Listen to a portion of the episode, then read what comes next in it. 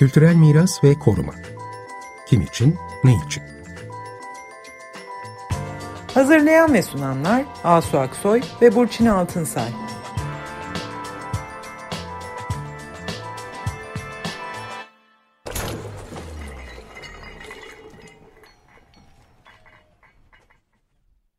Merhabalar, ben Asu Aksoy. Merhabalar, ben Burçin Altınsay. Geçen hafta 18 Nisan Dünya Anıtlar ve Sitler Günü'ydü. İKOMOS Dünya Anıtlar ve Sitler Günü. Onu kutladık. Kutlamaya da devam ediyoruz. Her sene bu gün için bir tema belirleniyor. Bu sene belirlenen temada kültürel miras ve iklim. Bu e, tema etrafında konuşmalar, tartışmalar, müzakereler sürecek, etkinlikler sürecek. Biz programımızda geçen sene tam bu zamanlarda bu konuyu İrem Gençer'le konuşmuştuk. 2021'in yaz aylarında da Andrew Potts ile yine aynı konuyu konuşmuştuk. Öyle görünüyor ki bu konu giderek daha da acil bir biçimde gündemimize oturuyor ve gündemimizde kalacak bir şeyler yapılana kadar, somut adımlar atılana kadar. Yani bu konuda düşünce ve eylem üretmek için daha da hızlanmamız gerekiyor. İKOMOS da bu nedenle temayı bu sene buraya yoğunlaştırdı. Bu başlığın altında e, kültürel miras ve iklim acil durumu, iklim adaleti ve eşitlik gibi temanın uzantıları da var. Yani çok boyutlu bir yerden ele alınmasını istiyor. İKOMOS Türkiye'nin de bir paneli oldu geçen hafta 18 Nisan'da. O panelde de bu konuya bir giriş e, yaptık kültürel miras ve iklim konusuna. Paneldeki konuklarımızdan birini de bu akşam programımıza konuk ediyoruz. Ege Yıldırım. Onunla konuşacağız e, yine kültürel miras ve iklim konusunu. Ee, Ege Yıldırım iklim değişikliği ve sürdürülebilirlik konularında özellikle çalışıyor. Kendisi doktor, şehir plancısı, kültürel miras koruma ve yönetimi uzmanı. 2014'ten beri de bu konuda serbest danışman olarak çalışıyor. 2016-2020 arasında İKOMOS Sürdürülebilir Kalkınma Amaçları Uluslararası Çalışma Grubu Koordinatörü. Aynı zamanda Mudurnu Tarihi Ahi Kenti eski alan başkanı ve halen Mudurnu'da da e, sivil olarak kültür ve turizm projelerine devam ediyor. Uluslararası kuruluşların bir araya geldiği iklim miras ağı var. Türkiye'den kabul edilen ilk üye Ege. İKOMOS'un e, Future of Our Past, geçmişlerimiz için gelecek raporuna da sürdürülebilir kalkınma amaçları temsilcisi olarak e, katkı vermişti. Hoş geldin Ege. Hoş bulduk. Çok teşekkür ederim beni de programınıza dahil ettiğiniz için. Hoş geldin. Hemen o zaman ilk sorumuza başlayalım. Sen çok uzun zamandır Burçin'in de söylediği gibi kültür mirası, iklim krizi ilişkisini e, araştırıyorsun ve bu konuda hem e, düşünsel anlamda hem de politika geliştirmek anlamında uluslararası kurumların e, çalışmalarını takip edip Türkiye'de de bu konuda aktif bir gündem açmak, farkındalık yaratmak üzere çalışıyorsun yani tekrar tabii dönüp e, bir böyle bir bakmamız lazım. Her defasında bunu yapmamız lazım galiba. Yani iklim krizi derken biz aslında e, işte okyanusların, suların yükselmesini, insanların kentlerin sular altında kalması gibi böyle çok dehşetli e, böyle uzun zamana yayılmış e, işte ik, e, aşırı iklim e, hareketleri falan gibi şeyleri konuşuyoruz. Yani doğrudan insan hayatıyla ilgili şeyleri konuşuyoruz, etkileri konuşuyoruz. Tabii ki hemen böyle akla yani bunları konuşurken kültürel miras bunun neresinde duruyor? Yani kültürel mirası hangi anlamda bu kadar düşünüp bu kadar aslında bu konuda kafa patlatıyoruz? Bu, bu konuya böyle bir kavramsal olarak tekrar bir hızlıca bakmak lazım değil mi? Evet, e, çok doğru söylediniz Aslı Hocam. Bence de olayın e, çok derin bir kavramsal geçmişi var bir yandan. Bir yandan da ben aslında çalışmalar sırasında hep e, sağduyulu, mantıklı, hani gündelik hayatı da yansıyan, hani biraz pratik açıdan da buna bakmaya çalışıyorum. Hani bizim gündelik hayatımız için bu ne anlama geliyor? O zaman da hani sadeleştirilmiş bir dille hani kısacası ana fikirler nedir? Hep onu anlamaya çalışıyoruz. Hala da sanırım birçok sektörde olduğu gibi kültür ve kültürel miras sektöründe de e, iklim değişikliğini, iklim eylemini e, kafamızda netleştirmeye e, ve e, doğru e, eylemlere, stratejilere odaklanmaya çalışıyoruz. E, şimdi benim burada e, söyleyebileceğim, faydalı olabilecek e, neler olabilir? Çok teşekkür ederim. Beni onore ettiniz. Hani iklim üzerinde uzun zamandır çalışıyor dediniz. Aslında ben kendimi dolaylı olarak bu işin içinde bulmuş, böyle daha mütevazı bir yerde hissediyorum. Sürdürülebilir kalkınmadan buraya ben de vardım. Hani hepimiz bir yerden buraya varıyoruz bugünlerde. Ve e, sürdürülebilir kalkınmayla ve kentleşme işte 1996 e, Habitat 2 zamanlarından hatırlarsınız İstanbul'da Birleşmiş Milletler'in kentleşme ve konut zirvesi yapılmıştı. O zaman hayatımıza yaşanabilirlik, hakçılık gibi kavramlar işte sürdürülebilir, sürdürülebilir kalkınma bu e, kavramlar yeni yeni giriyordu. Hani o zamandan beri e, ben sürdürülebilir kalkınmaya ilgi duymuşumdur. Kent planlama, kentleşme ile kültürel mirası nasıl bağlıyoruz ona bakmaya çalıştım. E, ve yani bir yandan doğadan geliyoruz biz de ama kültürel miras koruma ve doğal miras koruma, çevre koruma çok büyük koşutluklar içeriyor aslında. Bunu görüyor insan.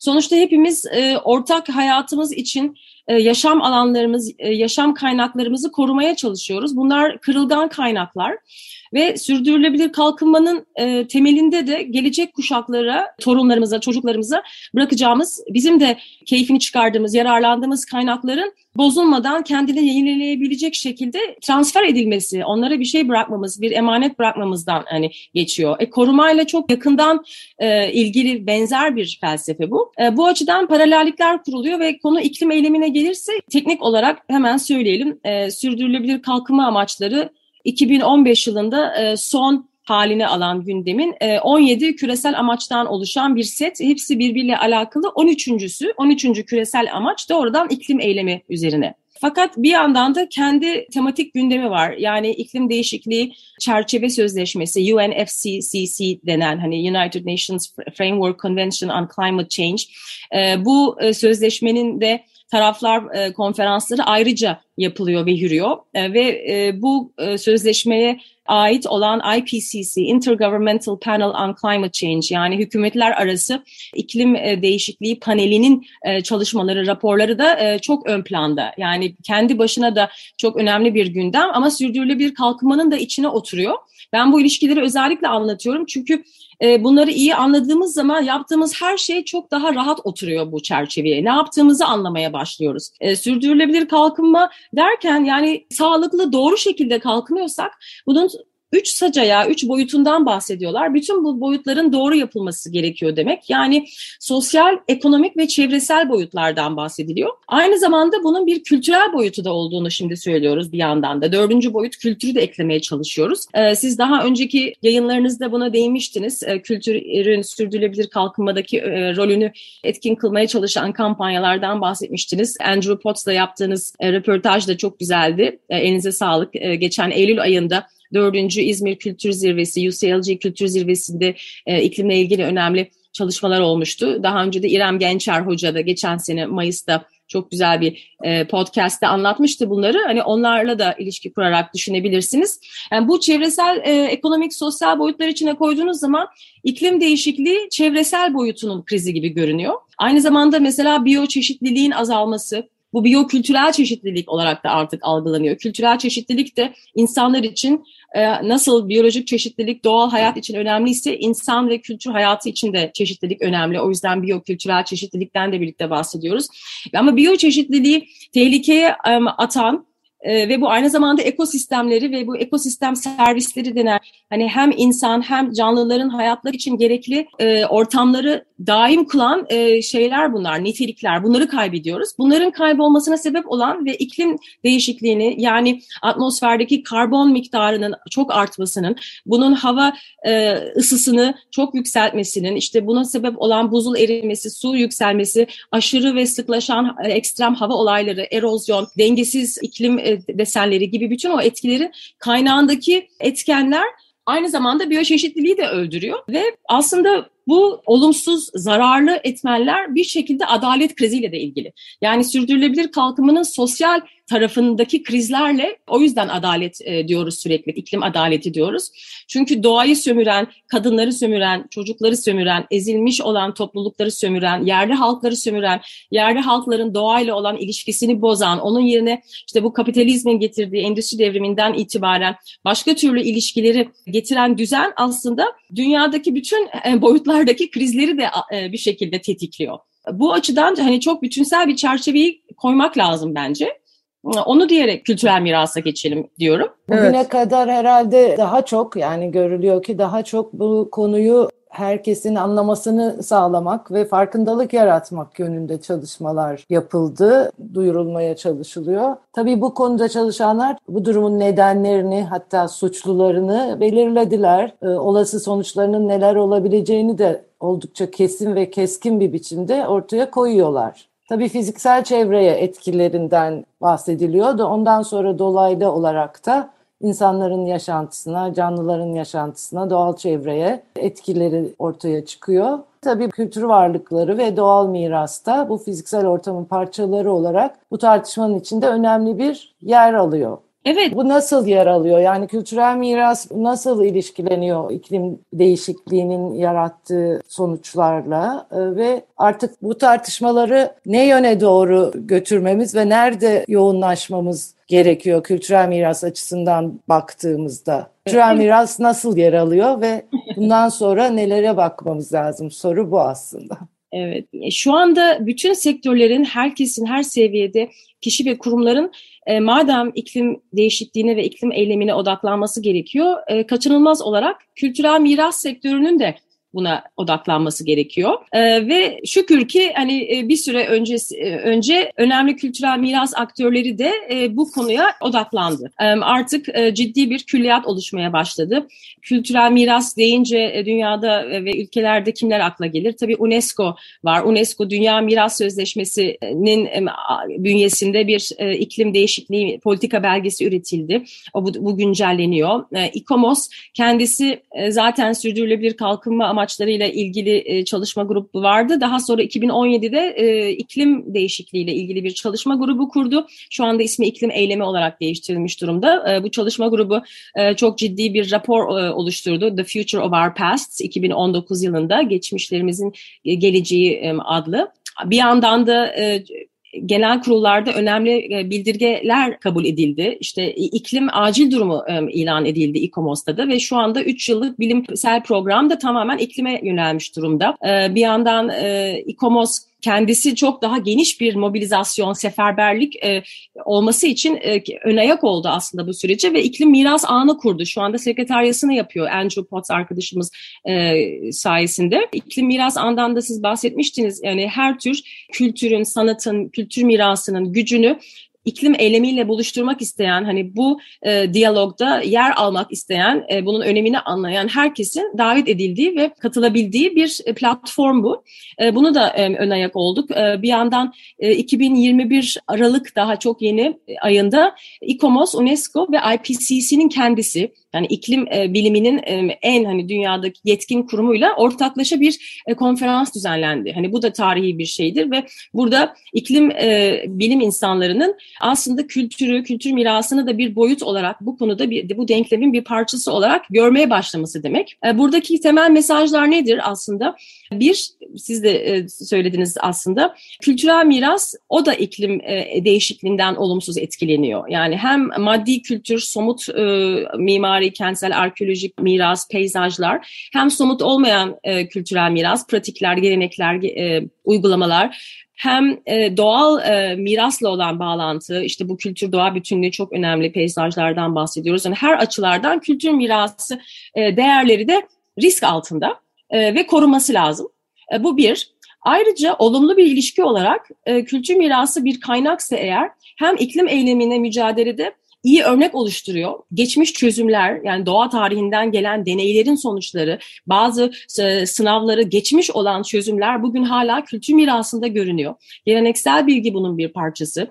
Daha geleneksel yaşam biçimleri daha az enerji tüketen, daha iklim dostu şekiller sunuyor bize. Bunların oluşturduğu kentsel dokular, e, işte pasif malzeme, yerel tedarik gibi özellikleri, ilkeleri gösteren e, miras unsurları bunların hepsi aslında iklim eylemi stratejileri yapılırken modellenebilir örnekler. Bu açıdan bizim kendimizi ortaya koyup buyurun bundan yararlanın, bizi dinleyin.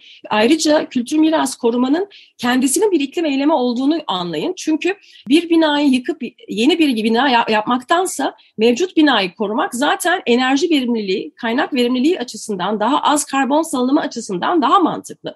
Hani böyle mesajları vermek gerekiyor. Bunlar ana fikirler diyebiliriz. Son bir şey de var aslında. O da mesela geçenlerde İKS ve İstanbul Kültür Sanat Vakfı'nın da kültür ve ekolojiyi bağlayan çok önemli bir raporu yayınlandı. Orada da e, buna değinmişler. Kültür sektörünün kendi ayak izini, karbon ayak izini küçültmesi gerektiği. Yani biz de kültürel miras korumacılar, e, bu konuda kafa yoranlar olarak nasıl daha sürdürülebilir, daha iklim eylemiyle e, bağlaşık şekilde pratiklerimizi geliştirebiliriz? Nasıl işte bir güneş panelini bir mimari restorasyon projesine entegre edebiliriz efendim? Ya da nasıl daha enerji etkin bina kabuklarını muhafaza edebiliriz? Yapabiliriz gibi soruları kendimize sormamız gerekiyor.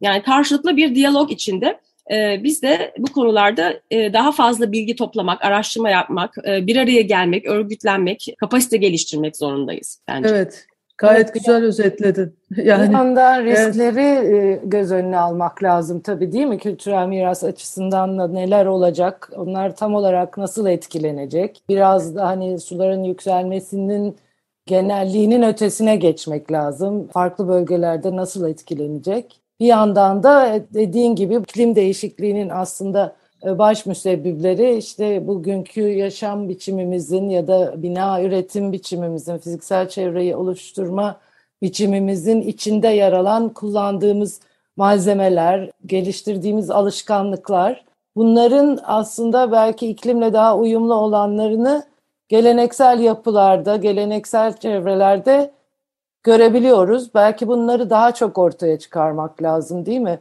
Ee, evet. Her araştırmada aslında biz hani korumacılar her zaman işte olanın korunması, yıkılmamasından yanayız ve tabii ki bütün araştırmalarda iklimle nasıl etkileştiği her zaman baş meselemiz olmuştur ama bunu daha da e, yoğunlaştırıp bu açıdan ortaya koymak için kendi yöntemlerimizi de belki değiştirmemiz lazım. Değil mi? Ee, evet, evet. Yani orada da ilginç, hassas dengeler var. Bir yandan hani açık fikirli olup nasıl güncelleriz? İşte aslında geleneksel malzemeler çoğunlukla hani karbon emisyonu ya da işte iklim değişikliği açısından sorunlu malzemeler değil. Ee, hani belki tükenmekte olan kaynaklar açısından sorun yaratabilir. Hani bunun çok küçük bir yüzdesi hani değiştirilmesi gereken üretim desenleri işte betonarme, mimari, modern mirastan bahsediyorsak.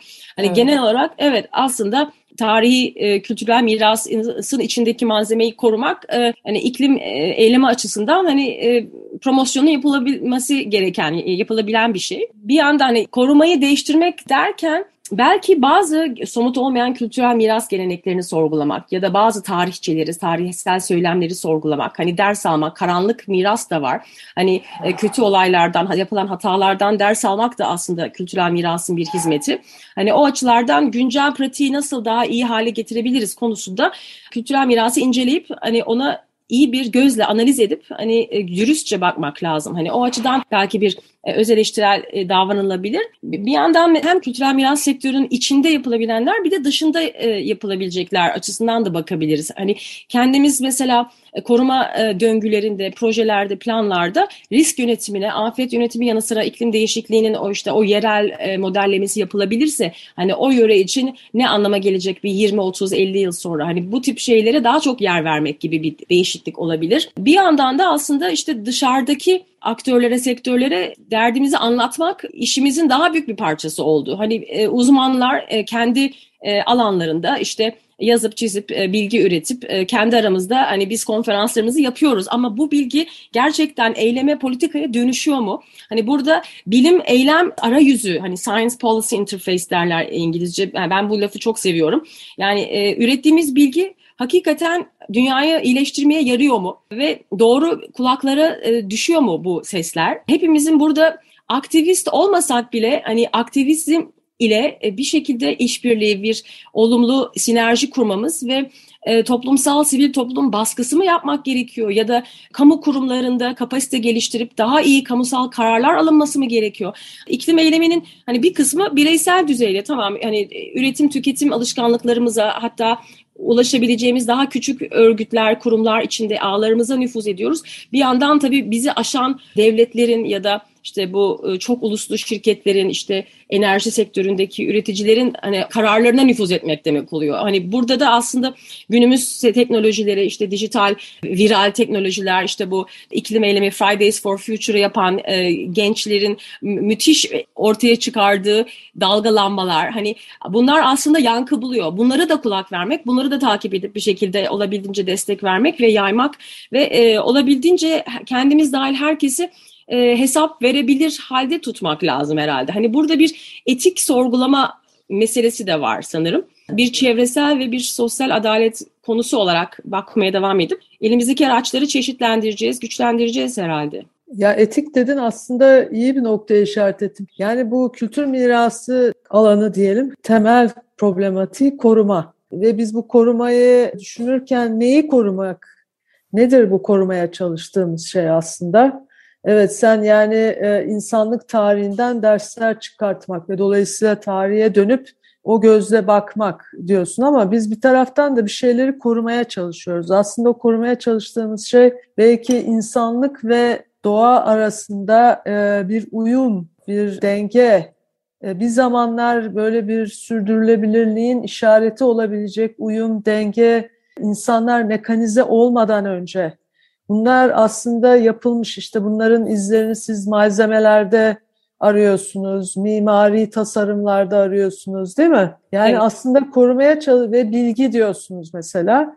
Yani korumaya çalıştığımız şey aslında tam da bu bu bozulma diyelim, bozulma mı diyeceğiz, büyük dönüşüm mü diyeceğiz Polanyi'nin hani kavramından giderek. Aslında korumayla böyle bir şey yapmaya çalışıyoruz bir taraftan. Bir taraftan da koruma aslında insanların bir fiil kendilerinin bir şeyleri koruduğu bir konu. Kendilerinin dahil olduğu bir konu. Yani uzmanların yaptığı bir şey değil aslında. Dolayısıyla insanların kendilerinin tam da işte bu kendileriyle kendi dışları arasındaki o etik ilişkiyi yeniden gözden geçirmeleri. Yani insanlar doğaya bir şey olarak, mal olarak, onlara bahşedilmiş bir şey olarak bakmak değil, nesne olarak değil, aslında kendisini onun parçası olarak görmek gibi bir yerden gitmek. Eğer bu başarılırsa işte korumaya çalıştığımız şeylerle açmaya çalıştığımız tartışmalar tam da böyle değil mi? Evet. Çok az biliyorum farkındayım ama. Çok güzel e, söylediniz. Öyle. O kadar uzaklaştık ki yalnız orada işte büyük bir problem var. Bu eskiden olan uyumdan e, o kadar uzaklaştık ki evet biz korumacılar bunu yıllardır söylüyoruz ve iklimin etkileriyle yıllardır zaten hani onlara nasıl cevap vereceğiz aynı zamanda özgün e, ilişkileri de bozmadan nasıl engelleyeceğiz gibi e, çalışırız. Ama o arada o kadar büyük değişimler oldu ki işte en basitinden temel konfor koşullarını sağlamak için sürekli yeni malzemeler yüklendi, yeni şeyler e, getirildi. Yani oradan geri dönüş süreci normal yaşantımızda olduğu kadar zor olacak, e, meşakkatli ve zor. En başta da bu tabii karar vericilerin kulağına girmesi ve onların artık aklına yatması ve oradan bakmaya başlamaları lazım. Böyle olduktan sonra dahi oldukça zor bir süreç olacak geri dönmek. Ve galiba ne yazık ki çok da öğrenmiyoruz. Örneğin şu pandemi sürecinden ne kadar öğrendik mesela? Çok az öğrendik. Hemen eski tarzımıza dönüverdik. Bunların hepsi böyle bireylerin yaşantısından üst yönetime kadar işlemesi gereken bir şey bu. Bu anlayış ve bu algı. O nedenle de kriz deniyor buna tabii ki. Bu uyum süreci çok kolay olmayacak herhalde değil mi Ege? Valla olmayacak ama e, zor olan şeyler daha güzel oluyor. Hele bir şey başarabilirsek. yani çok anlamlı mücadeleler içindeyiz. Ve biz zaten coğrafyamızda hani e, bir sürü zor mücadeleye alışığız. Hani hak mücadeleleri, işte doğayı, kültürü korumaya çalışan gruplar çok fazla acı ve baskı altında kalıyor ama e, bir yandan işte e, dayanışmayla işte herkes kendi katabildiğini biz uzmanlar olarak diyelim hani uzmanlar olarak e, konuşacaksak işte toplumumuzla çevremizdeki insanlarla e, mücadelelerle birlikte e, davranmak. Bir yandan da diyalog kanallarını da kapatmamak. Hani bazen çok ciddi diyalog kesintileri oluyor. Hani burada işte bu interdisipliner çalışma diyoruz, sinerji diyoruz. Hani bilimsel disiplinler arasında daha kolay belki. Bazen sektörler arasında diyalog zor oluyor. Yani karar vericiler ve işte bilim camiası, sivil toplum hani buralarda da biraz siyasete de giriyor bu sefer konu. Hepimiz biraz sosyal bilimci olmak zorunda kalıyoruz. E, ya da iletişim de çok önemli oluyor. Yani biz bu bilgileri doğru kanallarda nasıl aktaracağız ki karşılıklarını bulsunlar. Yani sadece bilim kendi evet. için üretmiyoruz biz. Bunlar e, toplumsal fayda da için üretiyoruz sonuçta. Evet, teşekkürler Ege. Zor bir konu. Daha da çok konuşacağız. evet, evet. Teşekkürler. İyi akşamlar. İyi akşamlar. İyi akşamlar.